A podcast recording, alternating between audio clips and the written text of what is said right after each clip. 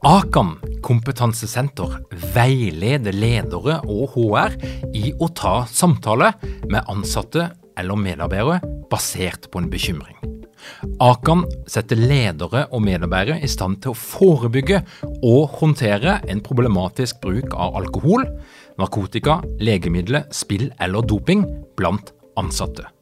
Ønsker du å lære mer om god forebygging og gjennomføring av samtale med en som du er bekymra for? Da kan du nå få tilgang på Akan sitt digitale samtalekurs til spesialpris, kun 760 kroner. Målet med kurset er å gjøre deg tryggere i det som kan være en krevende, men viktig samtale å ta i lederrollen. Du får tilgang til kurset med å gå til samtalekurs.no, samtalekurs.no, og bruke kampanjekoden LEDERPODDEN. Tilbudet gjelder ut april.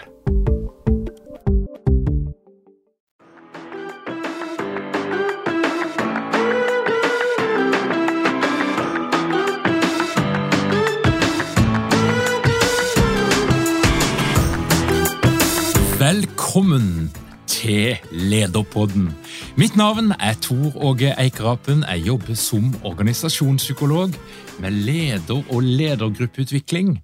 Og dette her er en podkast om ledelse. Forskjellen på god og dårlig samhandling i prosjektet i Norges største fastlandsnæring, nemlig bygg- og anleggsbransjen, kan utgjøre milliarder av kroner. Når samhandlinga ikke fungerer, så kan konsekvensene være alvorlige. For eksempel i form av kostbare forsinkelser eller konflikter som ender i rettssystemet og krever hundrevis av dyre advokattimer. Og det finnes faktisk ingen felles bransjestandard for hvordan en får til godt samspill, god samhandling og kommunikasjon i store prosjekter. Mye er overlatt til den enkelte prosjektleder å finne ut av på egen hånd. Gerd Beate Wiik hun har over 20 års erfaring som prosessleder og prosjektleder, og jobber i dag i Rambølls prosjektlederdivisjon. Hun er nerdete opptatt av hva som skal til for å få samhandling til å fungere i prosjektet der store beløp stender på spill, og der deltakerne i prosjektet ofte ikke kjenner hverandre fra før, og òg kan ha motstridende interesse i prosjektet. Og i dag skal du få Gerd Beates beste råd for å lykkes med prosjektet der mye stender på spill. Men først noen ord fra vår sponsor. Hei! Mitt navn er Cecilie Ystøs Myhre, og jeg jobber som mentaltrener og lederutvikler. Og til høsten skal jeg ha en egen modul på lederprogrammet som omhandler selvledelse. På selvledelsesmodulen vil du lære deg mentale verktøy og teknikker som er forskningsbaserte, og som jeg har god erfaring med fungerer i praksis. Disse verktøyene skal jo sette deg i posisjon til å få ut potensialet ditt som leder, og da er vi allerede i gang med å også sette deg i posisjon til å få ut andres potensial. Så dette henger sammen. Så er du nysgjerrig eller interessert, så håper jeg å se deg til høsten. Eh, og mer informasjon det finner du på lederprogrammet.no. Håper vi ses! Velkommen til Lederpodden, Geir Beate. Tusen takk, så utrolig hyggelig å få være her. Veldig, veldig stas. Geir Beate, hva er det som er din eh, faglige lidenskap? Åh, oh, um, Det spørsmålet der er veldig godt, og grunnen til det er at jeg har lyst til å å kanskje breie det litt ut også. Det er, bare, det er, min lidenskap i det hele tatt. Og det er å samle folk. Uh, og få de til å fungere godt sammen. Uh, få glede av hverandre. Uh, og det gjør jeg hjemme og på jobb. Eh, hjemme så elsker jeg å lage fester og sammenkomster. På jobb så elsker jeg å få alle disse menneskene, disse kollegaene mine, kundene mine, eh, til å treffe hverandre, skape gode rammer for dem, få de til å bli nysgjerrig på hverandre, utforske eh, hverandres ståsted. Men før man kommer dit, så er det ganske mye som skal gjøres for å få akkurat dette å funke. Men eh, jeg kjenner at det, det brenner av engasjement i meg når eh, jeg ser folk få lov til å utforske sitt fag og de andre fagene de er engasjert i, eh, for å finne ut av komplekse utfordrende, vanskelige problemstillinger. Det tror jeg kanskje er noe av det morsomste jeg vet. Du, Prosjektledelsesbegrepet det, det, kan bety så mangt. Det fins store og det finnes små prosjekter, og i dag skal vi zoome inn på bygg- og anleggsbransjen. For det er jo et sted med store prosjekter, store beløp, og noe som vi alle forholder oss til, for vi ser heisekranene rundt oss hele tida. Jeg sitter og ser på ei heisekran akkurat nå, faktisk. Men kan, kan, du fortelle, Gi meg en liten sånn statusoppdatering. Hva, hva er det som kjennetegner prosjektledelse innenfor dette her feltet? Hva slags fag er dette her? Det er jo eh, et fag hvor man skal få mange andre fag til å spille godt sammen. Som prosjektleder så skal du ha oversikt og god kontroll på tre parametere i et prosjekt, og det er tid, kost og kvalitet. Det er det du skal levere på i forhold til avtalt forventning.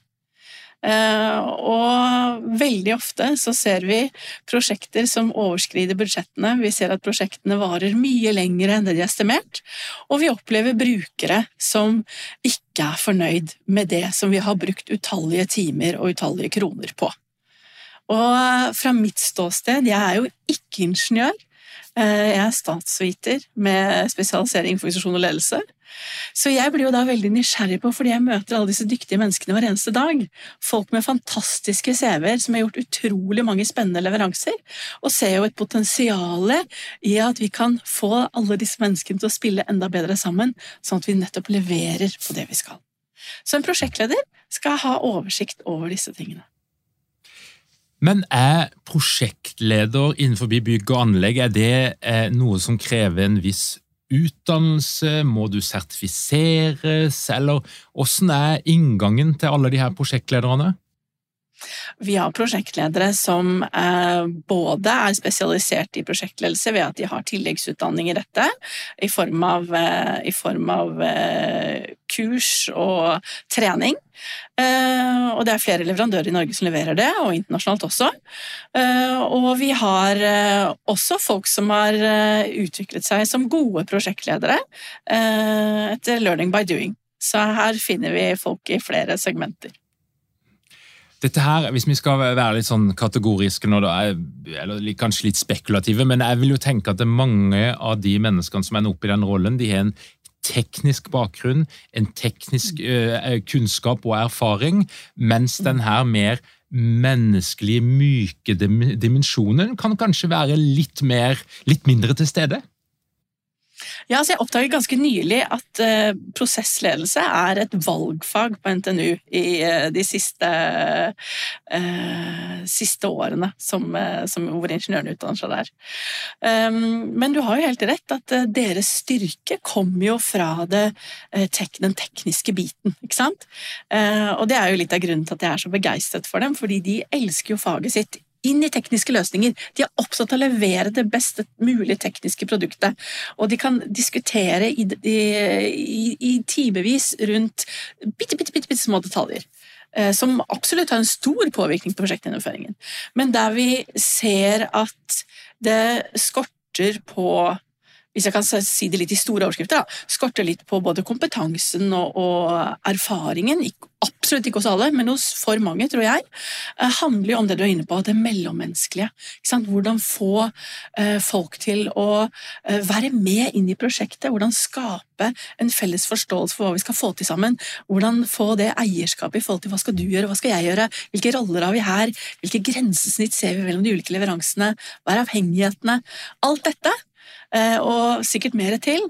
Eh, det eh, er i hvert fall min hypotese at det er varierende grad av kunnskap og erfaring om hvordan man skal lykkes med akkurat det.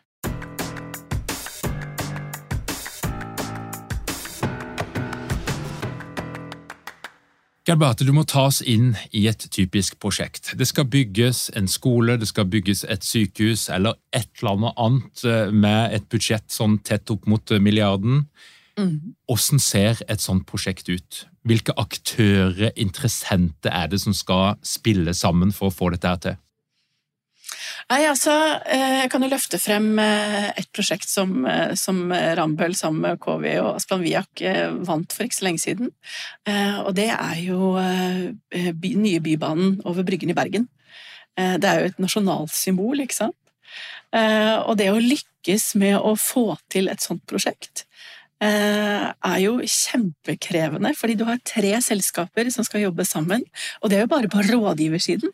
Altså de som lager tegningene, prosjekterer hvordan det skal se ut. Og så har du de aktørene som skal bygge det og få det til i praksis. Og så er det alle de aktørene rundt prosjektet som blir berørt av dette her på en eller annen måte. Noen kan være veldig for og heie det frem og se ambisjonene som prosjektet har uttalt, mens andre opplever det som krevende, vanskelig, hvorfor skal vi gjøre dette? Dette er et eh, ikke sant? Å være bekymret for endringene som prosjektet representerer. Så det er jo mange aktører her, og ikke minst den aller viktigste, som er oppdragsgiver og byggherre. ikke sant? Som skal sørge for at dette går hele veien fra eh, en idé til et gjennomført produkt. Og der hvor jeg sitter, i rådgiverbiten av verdikjeden, eh, det er jo en veldig liten del også, ikke sant? For vi skal jo tegne ut hvordan det skal se ut, og så kommer da byggefasen og driftsfasen etterpå. Så verdikjeden i et prosjekt er stort, og det er mange aktører som blir involvert, også på ulike tidspunkt. Eh, og det er jo kanskje, hvis vi snakker om aktører, så er det kanskje en av utfordringene også i prosjektgjennomføring. At det er utrolig mange som skal inn og ut av dette prosjektet. Og bistå og levere inn. Det var en som sa til meg her forleden at et prosjekt er som en flyplass. Det kommer og går folk hele tida. Og hvordan få dette her til å fungere? Hvordan få det til å lykkes? Og eh, det er vel også sånn at I en prosjektperiode som kan gå over flere år, så er det enkelte av de her aktørene som vil ha tett, regelmessig kontakt. Mm -hmm. Det er det jo. Og det er jo eh, de som er i kjerneteamet eh, i de prosjektene hvor jeg jobber. Så skal jo vår prosjektleder jobbe tett sammen med styringsgruppen i prosjektet, tett sammen med kunden vår, altså oppdragsgiver, enten det er byggherren eller entreprenøren. Eh, det kan eh, også være de kritiske aktørene som leverer inn i prosjektet, om det er de som sitter på flere fag, eller de som representerer ett enkeltfag inn i et prosjekt. Når vi leverer, så kan vi jo levere 20-25 fag bare fra Rambølls side, og så skal vi samarbeide med en rekke andre selskaper som supplerer oss på kompetansen. Det kan veldig godt være. Så her er det mange mennesker, og da snakker jeg bare om de som er inne i lederrollene i prosjektet. Og i tillegg så har du flere folk utover det også. Så et prosjekt som vi kan levere, kan jo bestå av 100-150 av mine kollegaer i Rambøll. Og så har vi pluss, pluss, pluss mange aktører til. Så dette er jo snakk om mange mennesker, ikke sant?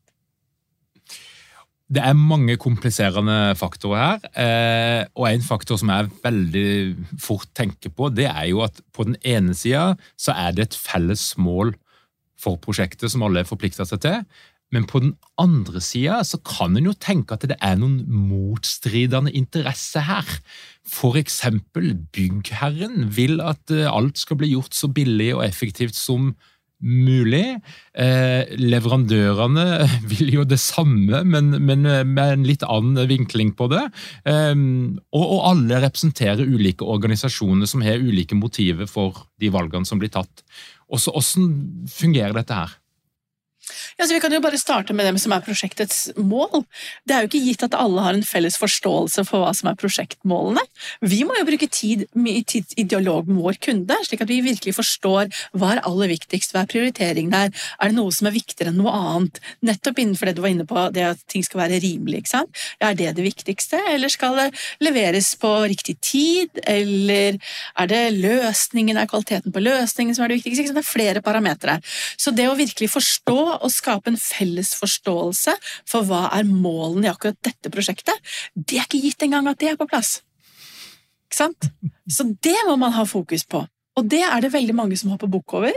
Eh, og når den felles målavklaringen ikke er på plass, så kan jeg love deg at vi har eh, lagt veien for mange utfordringer og potensielle konflikter fremover. Mm.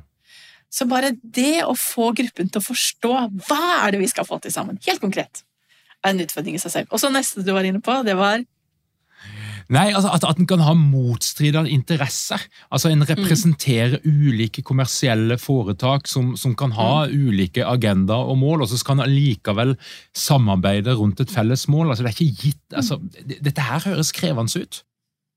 Ja, og det ser vi at i våre prosjekter så er det jo målkonflikter. Vi møter på målkonflikter hele tiden.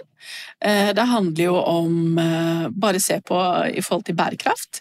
Eh, det kan være sosiale bærekraftsmål, det kan være økonomiske bærekraftsmål, det kan være bærekraftsmål i forhold til økonomi, i forhold til natur. Det er mange, også her mange parametere vi skal berøre, og det er ikke gitt at vi kan bygge det mest kostnadseffektive, det mest samfunnsøkonomiske, det mest naturvennlige eh, og det mest sosialt gode prosjektet. Vi må vekte hva er viktigst. Eh, og det jo, bringer jo en ekstra dimensjon inn i prosjektgjennomføringen. At dette er også ting som våre prosjektledere må ha en bevissthet rundt og ta hensyn til i dialog med kundene våre. Og våre kunder kan jo også ha veldig høye bærekraftsambisjoner. Veldig høye ambisjoner at vi skal få til dette og dette. og dette. Men vet vi virkelig hva som skal til for at vi skal klare å nå disse målene. Mm. Det er jo ikke alltid gitt, det heller. Man kan jo formulere seg noen eh, ambisiøse mål, men det er ikke gitt at man ser hva skal til for at vi kommer dit. Mm. Så, så, disse målkonfliktene de gnager jo i prosjektene hele tiden og krever en bevisst ledelse rundt for å kunne håndtere det. Men når det er, eh, la oss si det er en gruppe da, som, som er samla og, og, etablert som en prosjektgruppe, eller hva en nå måtte kalle det. Det er en gjeng som skal jobbe tett sammen, og så kommer mm. du inn med ditt blikk og dine briller på. Hva er det du mm. oftest ser som går galt? Hva er det mest vanlige der du liksom ser at ah, nå er vi allerede ute og kjører litt? Det er ulike antagelser ulike antakelser om hva er det vi skal få til, hva er viktig nå, eh, hva er neste steg. Eh, det er utrolig mye som ikke blir uttalt. Det er utrolig mye man ikke tar seg tid til å snakke om. Eh, fordi man tenker at ja, dette er jo oppklart, dette opplagt, dette vet vi jo, dette har vi jo besluttet, eller det har vi snakket om tidligere, eller eh, Mens når vi da graver litt mer inn i det, så ser vi at oi, her er det ganske mange ulike perspektiver som på ingen måte er forent. Uh, og på samme måte som at vi ikke forstår felles mål, og heller ikke forstår uh, eller har eierskap til de ulike prioriteringene, de ulike rollene i et prosjektteam, uh, så ser vi også her at vi møter på flere utfordringer. Så det er kanskje noe av det aller, aller første jeg ser når jeg spør de da, kanskje på tomannshånd i forkant at vi skal gå inn i en seanse. ikke sant? Hva er aller viktigst for deg i denne gruppen? Hva tenker du at dere som gruppe skal oppnå sammen? Og da kan jeg få ganske avvikende svar. Så det er jo de hva skal vi kalle det, de saksresultatene. ikke sant? Dette er veldig gjenkjennbart for deg som også jobber med teamutvikling. Hvilke, hvilke, saksresultater er det denne gruppen skal skape, og når skal de skapes? Hva er prioriteringen på dem? ikke sant? Og så er det også denne med, med den samhandlingen i forhold til Opplever de at dette er et godt rom å være i? Føler de seg trygge her? Eh, kan de dele fritt? Eh, er dette eh, et sted hvor de kan stille spørsmål, utforske, eh, uten å være redd for å tape ansikt eller verdighet? Mm. Så det er jo begge de to tingene vi må gå inn og se på når vi jobber med prosjektteamene.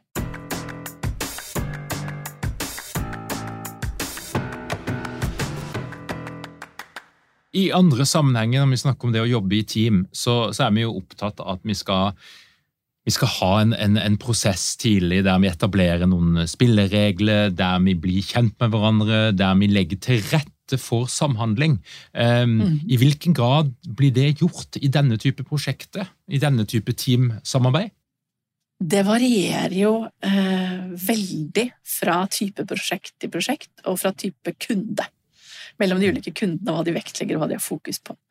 Um, jeg har jo sittet i, i eh, og vært deltatt eh, som, eh, bidrags, ikke som bidragsyter, men som deltaker i en rekke større oppstartsmøter hvor det nettopp er fokus på samhandling. Uh, og her kommer jo litt av mine poeng i forhold til at gjør vi det som skal til for å få det til i praksis? Fordi når jeg kommer der, så er vi kanskje 150 deltakere i et rom. Uh, og veldig mye av det som foregår, det foregår på scenen med presentasjoner. Det er veldig lite snakk mellom deltakerne som er i rommet. Uh, det er veldig lite mulighet for å bli kjent på tvers. Man setter seg gjerne sammen med noen man kjenner fra før. Det føles tryggest. Eh, og man får presentert eh, bakgrunn for prosjektet og ambisjoner for prosjektet og prosjektorganisasjon og forventninger til de ulike aktørene. Det kan være man får presentert. Men det er i veldig liten grad samhandling i praksis, ikke sant? Det er veldig få mennesker som faktisk snakker sammen. Så man sitter da én til to dager i en stor konferansesal og lytter. Og så kaller man det samhandling. Dette her er kult, altså. For nå, Det høres ut som det er en gigamisforståelse der ute. Altså Det er noen som har fått for seg at vi må sjekke av på at vi har hatt en god samhandlingsprosess. Mm. Yes! Vi har kjørt konferanse, og vi har hatt slideshow, og folk har snakka fra scenen. Mm. Samhandlinga er på plass, vi er klare til å rykke inn. Ja, liksom, da tenker man at da forstår alle sammen har forstått budskapet. Det er litt sånn når du sender ut en mail, og så regner du med at da skjer alt det du ønsker. ikke sant? Ehm, det er litt av samme logikken, og da sier jeg ikke det er ikke alle, men det er for mange som har denne tilnærmingen. Som tenker at bare vi samler alle fysisk i et rom, så skjønner de hva de skal gjøre. Ja. Men for at folk skal ta eierskap til disse problemstillingene, så må de jo få lov til å snakke om det selv. De må få lov til å reflektere høyt sammen med de andre som de skal jobbe sammen med i prosjektet. Uh, og det, uh, å få til det, um, er noe vi må utfordre mange av våre kunder på. Så det er en intensjon om å legge til rette for samhandling, men en gjør det rett og slett på en litt sånn keitete, eh, dum måte, som, som, vi som fagfolk vet at dette her funker faktisk ikke. Eller det, det, dette her, her oppnår du ikke det du ønsker. Nei, ikke sant? og det er jo ganske synd, fordi man investerer jo ganske mange timer i å både å forberede eh, dette opplegget, det er nå det ene, men det er jo et minimalt beløp i forhold til de timene det tar at folk skal reise til og fra og delta på et to dagers møte hvor fokus skal være samhandling. Mm. Så vi erfarer jo at det, det, gir ikke den ønskede effekten. Vi får ikke, De som er med i prosjektet, får ikke en større forståelse uh, av hva de skal bidra med inn i dette prosjektet, eller hvem de skal samarbeide med, eller hva som er neste steg når de drar derfra. ikke sant? Uh, det er uklart og utydelig for for mange i sånne settinger. Mm. Og jeg har så lyst til å gjøre noe med det. Jeg har så innmari lyst til at enda mm. flere skal få oppleve verdien av effektiv samhandling. Fordi det vi jo ser, er at når vi får samla mennesker på en god måte, og når de får lov til å snakke om sin faglige passion og hva de skal bidra med i dette prosjektet, så er de i gang, da! Da begynner det! Men vi må gi dem rom til å bidra selv. Vi kan ikke sitte og ha et kinooppsett eller en klasseromsundervisning fra gamle dager da, hvor de ikke fikk lov å snakke sammen. Men Hvordan er det for deg da, å være en misjonær inne på, på, dette her området? For du, du, er jo litt eh, jeg vil jo tenke at du er jo litt alene eh, rundt ditt budskap, og, og, og det er ganske mye makt som du er omgitt av. Hvordan er, er det å være deg i, i slike, sånne situasjoner? Nei, altså jeg har jo eh, mange medspillere og mange som ser verdien eh, rundt å jobbe på den måten. Eh, som jo gjør at jeg har en veldig spennende arbeidshverdag. Men det jeg har lyst til å få til, er jo å løfte kunnskapsnivået rundt hva som skal til. Fordi vi er jo nå i en tid i denne bransjen hvor det er så mye omstillinger og ikke minst et stort endringsbehov. Det er mye som påvirker oss, det er mange prosjekter som stanses. Hvem skal da gå inn og levere på de prosjektene som er igjen som vi kan levere på? Mm. Jo, det er de som evner å gjennomføre prosjektene på best mulig måte. Uh, og jeg tror at uh, samhandling og samhandlingskompetanse er en viktig komponent til å lykkes med det. Eh, så jeg er jo utålmodig og ivrig etter at enda flere skal begynne å jobbe på denne måten. Så eh, jeg kjenner jo på en stor grad av utålmodighet. Eh, og samtidig så kjenner jeg også på at det er et stort mulighetsrom her, fordi mange av de fagfolkene jeg jobber med, de setter så utrolig stor verdi på og stor pris på denne måten å jobbe på. De sier jo selv at de har det mye morsommere i prosjektene. Det er en glede for dem å få lov til å jobbe med faget sitt, og ikke bruke altfor mye tid på konflikthåndtering og utfordringer og problemer og ting som ikke blir sånn som forventet.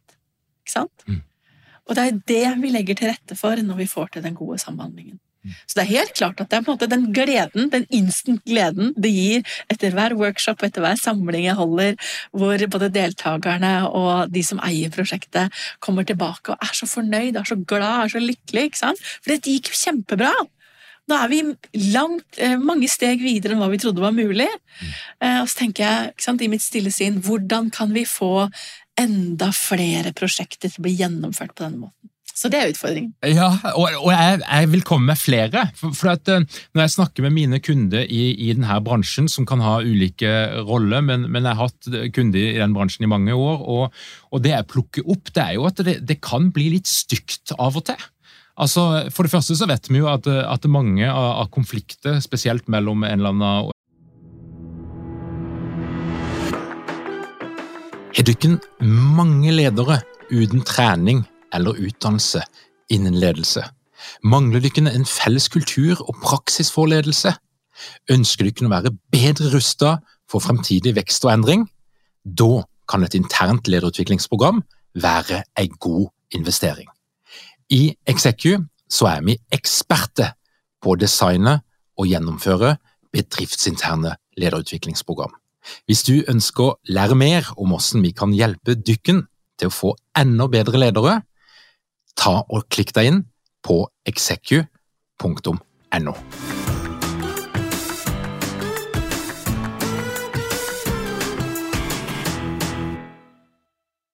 Um, Oppdragsgiver og oppdragstaker kan havne i retten, og det gjør det stadig eh, oftere, forteller bransjeorganisasjonen. Mm. Det er én ting, men jeg hører òg at ute i prosjektene så er det hersketeknikk. Det er ikke f.eks.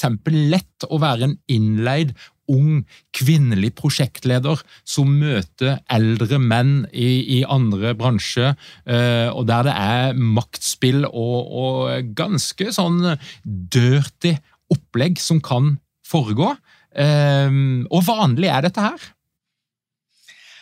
Nei, altså jeg, jeg skal ikke si Fra der hvor jeg jobber, så skal jeg ikke si at dette er vanlig. Men jeg kjenner igjen den sjargongen som av og til kan være, som du peker på. ikke sant?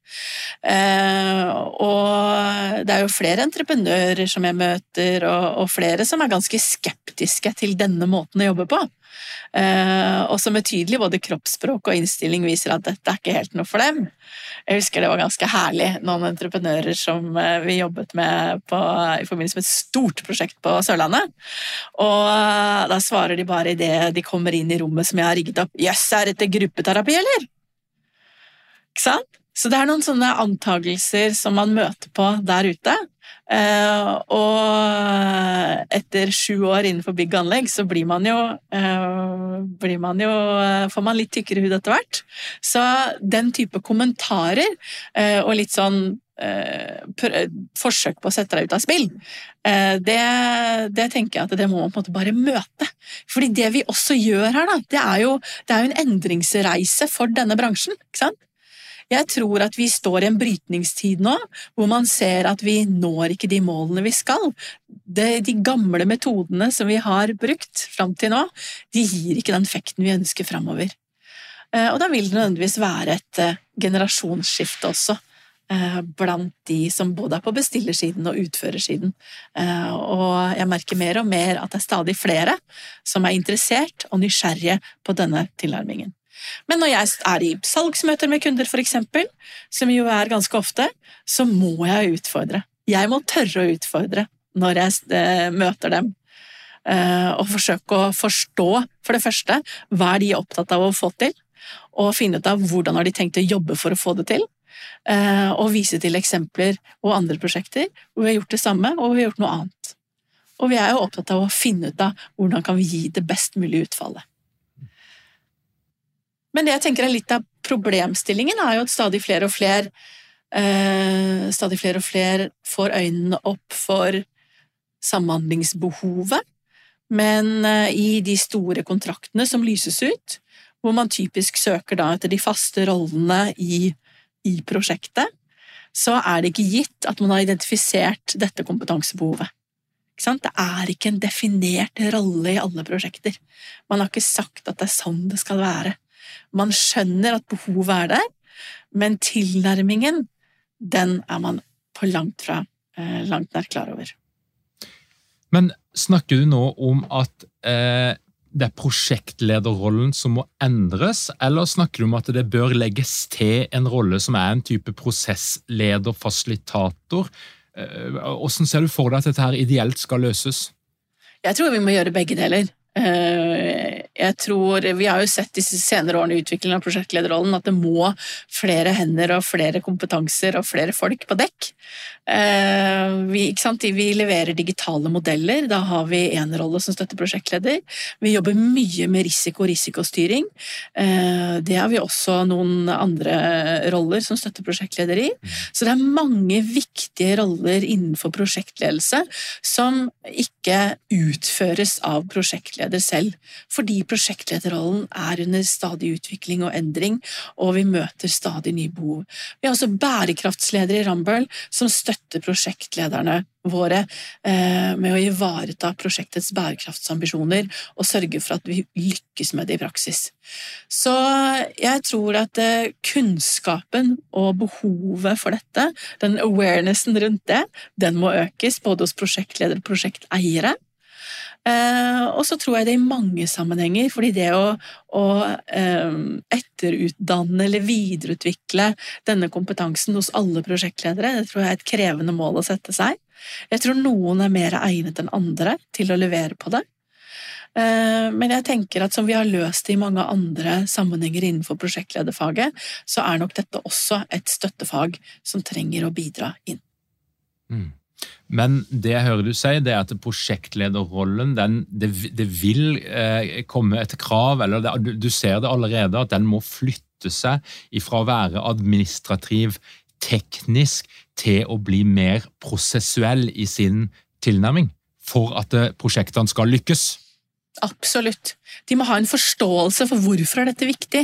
Hva er, hva er krav, hva er ulike tilnærminger? ikke sant? Sånn som det er i dag, så opplever vi at vi mange steder ikke har et felles språk rundt hva er det som kreves. Hva skal til? Mm. Eh, man tror, sånn som vi var litt inne på i sted, vi tror at hvis vi bare eh, samler eh, de folka vi mener skal jobbe sammen i samme rommet, og gir dem en, eh, PowerPoint, et PowerPoint-show, så er det mest gjort. Og hvis det er forventningen, så kan man jo forstå veldig godt man, uh, hvorfor man tenker at nei, en prosessleder, det trenger jeg ikke. Mm. Det kan jeg styre selv. Så det er noe med den forståelsen som må på plass.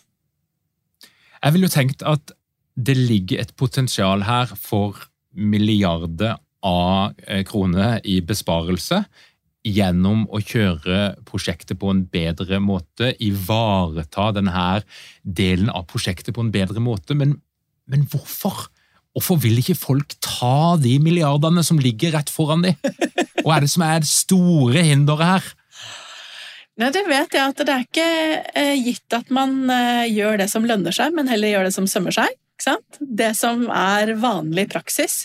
Eh, det som er 'sånn gjør vi det her'. Det er en dominant logikk som regjerer. Sånn her har vi alltid gjort det. Sånn her må vi også gjøre det framover. Eh, og det tror jeg er kanskje en av de største utfordringene vi står overfor når vi snakker om samhandling. Eh, at man eh, ikke ser nye måter å jobbe på, og ikke tør å bruke dem. Og det er ikke, det er ikke sånn vi er vant til det. Og de som tar beslutninger innenfor dette feltet, de som velger hvem disse kontraktene skal tildeles, det er de som eier beslutningene. Det er ikke gitt at de ser det samme som du ser nå. Kan vi ikke bare ta de milliardene? Kan vi ikke bare sikre at vi får høyest mulig kvalitet på prosjektene våre, ved også å sette på samhandlingskompetanse?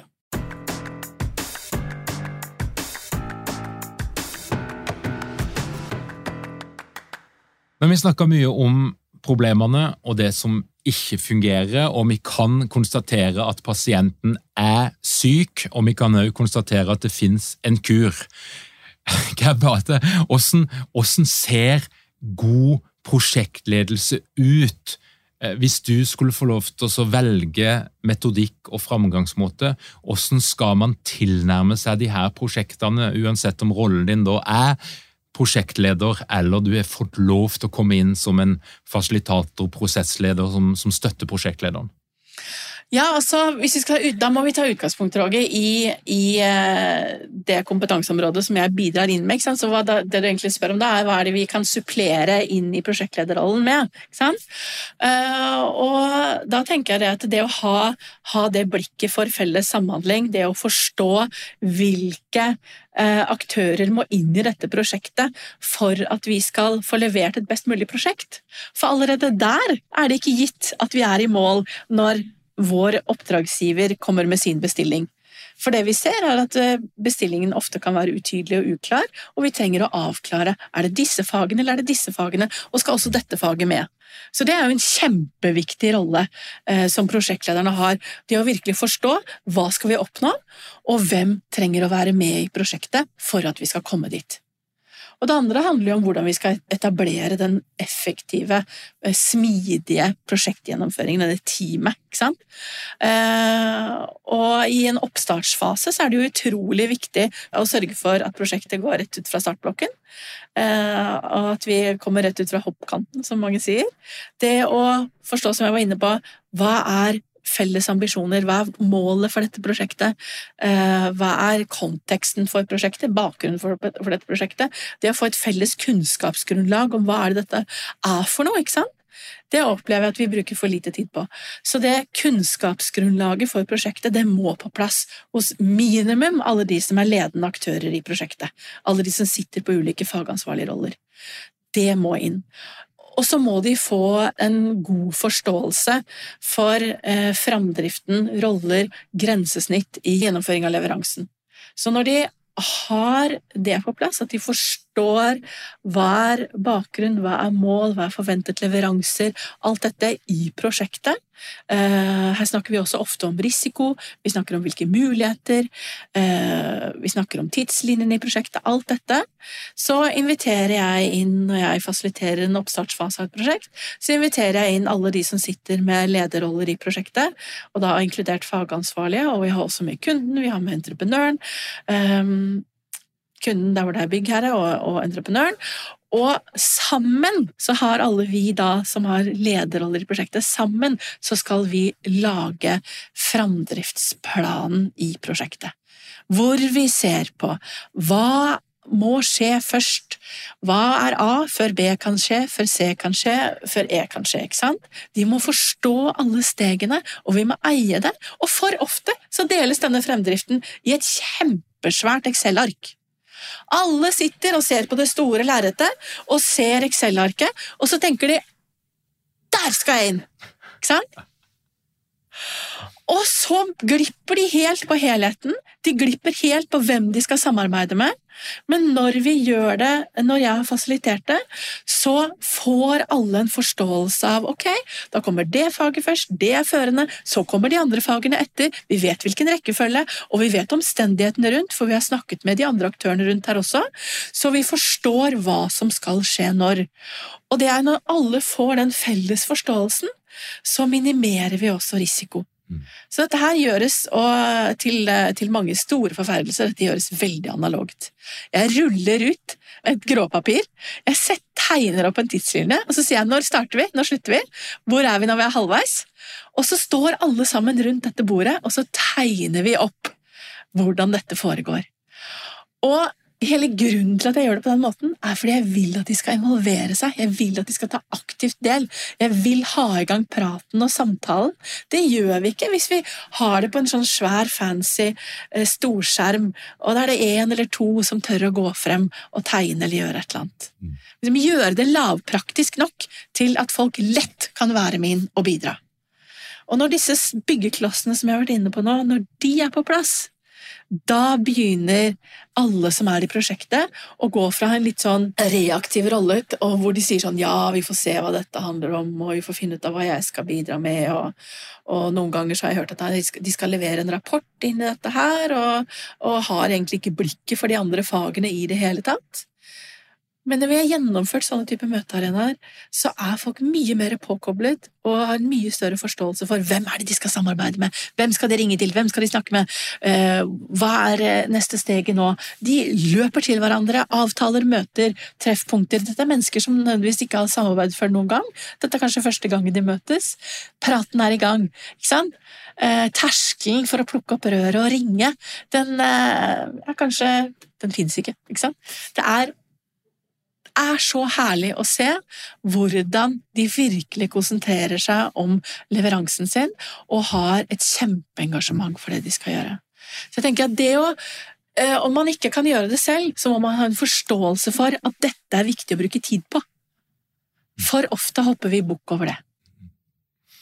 Bli kjent-delen her, hva, hva, gjør du der? Altså, vi, vi begge to er, jobber med effektive ledergrupper og, og, den type metodikk, med personlighetstest og talentoverslag og hele greia. Bruker du den type verktøy inn i eh, de her prosjektene?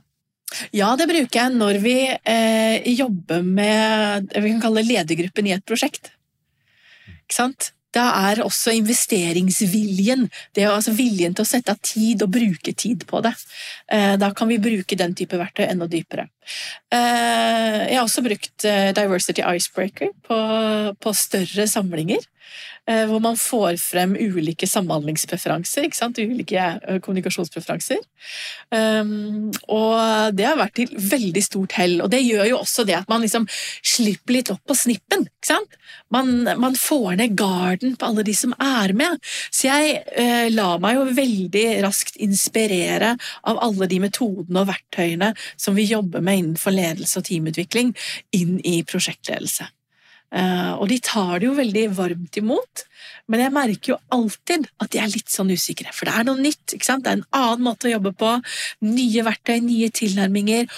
Er, vi, så sikre på at vi skal bruke tid på dette? ikke sant? Samtidig så er det jo en mye større awareness hos flere og flere av våre kunder på nettopp hvordan fungerer teamoppsettet. Eh, de kan få en case-oppgave som et team, i en tilbudsfase, eh, hvor man blir invitert inn til kontraktsforhandlinger, og så filmes teamet. Eh, og evalueres etterpå i forhold til hvordan de samhandler. Men det som er viktig, er jo å jobbe med hvilke konkrete aktiviteter må denne gruppa ta tak i og bruke eh, for å styrke den samhandlingsevnen. Det tror jeg er et stort konkurransefortrinn. Og så er det en arena som er eh, Det er der det skjer. Eh, og jeg, var inne hos en kunde for ikke så lenge siden, og så prøvde vi å regne på eh, I et typisk stort byggeprosjekt, og mange møter er det i løpet av et år, og hvor mye koster de møtene, hvis vi bare regner en gjennomsnittlig timepris på de som deltar der, og det var enorme summer. Og jeg vet at mange prosjektledere de sliter litt med å få til god møteledelse. Det handler om å få til en god dynamikk, en god energi, og ikke minst at folk gjør det de forplikter seg til å gjøre mm. mellom møtene. Mm. Beate, kan ikke du gi oss noen triks og noen verktøy som de prosjektlederne som lytter på Lederpodden, bare kan ta med seg til mandag og teste ut? Hva er det som kjennetegner god møteledelse? Hvilke verktøy er det som prosjektleder kan teste ut? Oh, det er jo eh, et triks som jeg eh, gir til veldig mange. Det er å snakke med de som er involvert på tomannshånd, og det vet jeg at mange prosjektledere gjør. I forkant av et møte. Eh, hvor er du nå? Hva er viktig for deg? Hvilke utfordringer er det du står i? Eh, vi skal samles i to timer eh, til et prosjektgjennomgangsmøte neste uke. Hva er aller viktigst for deg at vi snakker om? Det å sørge for at de møtene du inviterer til som prosjektleder, er relevante for de som deltar, det er rett og slett helt avgjørende. For det er for mange sånne møter som gjennomføres eh, hvor to eller tre snakker ivrig og deltar i samtalen, mens de andre sitter bak hver sin laptop og svarer på mail og skriver ukesrapport. Så det, de forberedelsene du legger ned i, eh, legger ned i møtet, er utrolig viktig. Og det andre, og her føler jeg jo selvfølgelig at jeg alltid sparker inn åpne dører, men jeg opplever at det er undervurdert. Det å ha et tydelig mål som er kommunisert på forhånd til møtedeltakerne. Hva skal vi oppnå, hva skal vi bruke tiden vår på dette møtet? Det at du har skissert en agenda, og at du sørger for at det ikke bare er du som snakker i møtet. Det å, engasjere folk løpende gjennom møtet. Gjerne ti minutter ute i møtet. Uh, og veldig mange stusser veldig over at jeg sier det. Men jo fortere du klarer å få engasjert folk i møtet, i møtet ditt, jo mer engasjement får du gjennom hele møtet. Det gjelder uavhengig av hvor langt møtet er. Um, så jeg tenker at de triksene, det, det må stille godt forberedt og ha snakket med, snakket med, de som skal være involvert. Og ikke minst også kunden. Som prosjektleder så skal du ha løpende dialog med kunden din. Det å stille de samme spørsmålene der. Tørre å stille åpne spørsmål. Tørre å være eh, nysgjerrig på hva er aller, aller viktigst for kunden nå. Hvilke utfordringer er det de ser? Da holder du dialogen i gang, og da sørger du for at du er på rett spor når du jobber. Og streng er det lov til å være når det gjelder skjermbruk. Hva, hva, tenker du der? For Her er det en slags balanse mellom at det er eh, en saksliste som kan være ganske omfattende, det er noe informasjon som du kanskje må se på en, din egen skjerm. Jeg, jeg vet ikke. Jeg, jeg, altså, dette her er en sånn kjepphest som jeg har. Jeg vil jo helst ha et skjermforbud når vi er sammen, og så kan vi heller ha noen pauser der det er lov til å gjøre hva du måtte uh, ha lyst til. Hva tenker du? Altså, jeg jeg tenker at For det første så er det som møteleder ditt ansvar for å sørge for at det møtet du leder, er relevant for alle som er med. Eh, hvis det ikke er relevant, eh, og hvis de opplever det, eh, da er det du som møteleder som må justere agendaen og justere deltakerne. Men når du har det på plass, og du vet at dette her er viktig, at jeg får innspill og perspektiver fra alle som sitter rundt dette, og at jeg, jeg og ikke minst prosjektet, at jeg tar på prosjektet hvis alle som er i møterommet ikke, ikke deltar og ikke bidrar, da er det absolutt skjermforbud. Fordi altså, vi har så dårlig impulskontroll. Det kommer en mail, det kommer en melding, og brått så var vi borte. Mm. Og da har vi ikke bare kastet bort vår egen tid, men også alle de andre møtedeltakernes tid. For alles innspill er utrolig viktig, og du må sørge for, som, som, prosjektleder, at du har en agenda som er interessant og relevant nok, som jeg sa, og så må du sørge for at du har dine metoder til å involvere folk ofte. Og det jeg gjør, eh, det, jeg gjør for å involvere de, de, ofte i møtene, det er jo foruten at de skal fort begynne å snakke, så er det jo det at før jeg eh, en, får de til å løfte en problemstilling eller eh, svare ut en problemstilling, så ber jeg de snakke sammen to og to før de deler. For da vet jeg at da kommer det flere tanker, mer innspill, og det er lettere og tryggere å dele i plenumsrommet når folk først har snakket sammen to og to. For da har de snakket litt med sidekvinnen eller sidemannen og bare ja, vi er jo enige om dette, så da er det trygt å si det i plenum også. Så det er noe med det å å bygge eh, trygghet og gode møterammer for dette. Og så har jeg en lang liste eh, med andre tips og triks, men eh, jeg vet at du sikkert også har noen flere spørsmål. jeg tenker iallfall Uh, dette her er, som du sa, kanskje å slå opp åpne dører, men så opplever jeg at de dørene er ikke så åpne. Men ta pause! Ja. Ta pause hvert 50. minutt. for det er, I noen av de her maskuline miljøene så virker det som det er en sånn utholdenhetskonkurranse. Klarer vi å sitte tre timer uten å bevege oss? Wow, da er du kul! Wow! Ja. Dødsbra møte! Vi satt non stop! ja, men vi vet jo at eh, vår evne til å, til å, tenke kreativt og tenke nye tanker, altså den, den, synker betraktelig etter 45 minutter. ikke sant? Det å evne å holde konsentrasjonen rundt det vi driver med. Så vi trenger det avbrekket. Helt enig. Vi må ha det avbrekket. Mm. Og vi må sørge for at vi faktisk har tid til å både ha pauser og jobbe med de temaene som ligger i møtet.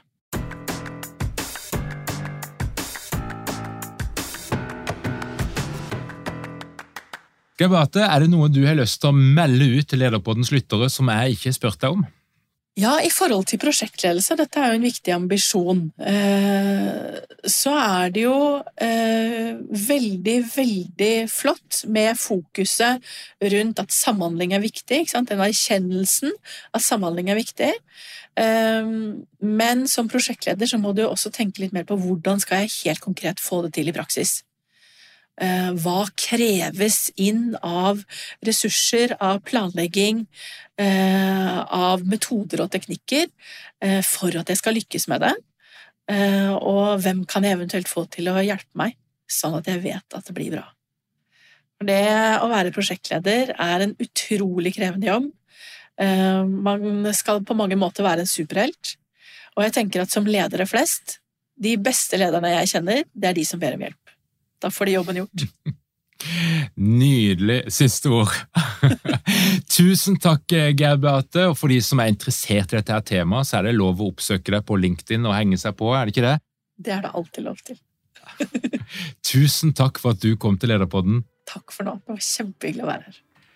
Til deg som hører på, hvis du er interessert i alt som skjer i vårt lederunivers, da er det bare å komme deg inn på lederpodden.no .no. Trykk på den rette knappen og legg igjen din e-post. Da vil du få vårt nyhetsbrev inn i din innboks hver eneste fredag. Og hvis ikke du har fått det med deg, så har vi altså et lederprogram på gang. og Det starter i september, og det begynner å fylles opp. og Det er vel noen ledige plasser hvis du er heldig. Du kan gå inn og sjekke det på lederprogrammet.no. Da er det bare å si takk for at du hører på Lederpodden. Denne her episoden er skrudd sammen av Emil Kulsvehagen. Hvis du er interessert i å annonsere, så er det moderne media som ordner med det. Og mitt navn er altså Tor Åge Eikrapen, og du finner meg på LinkedIn, Instagram og all over the place. Takk for at du hører på Lederpodden. Vi høres igjen om ei uke.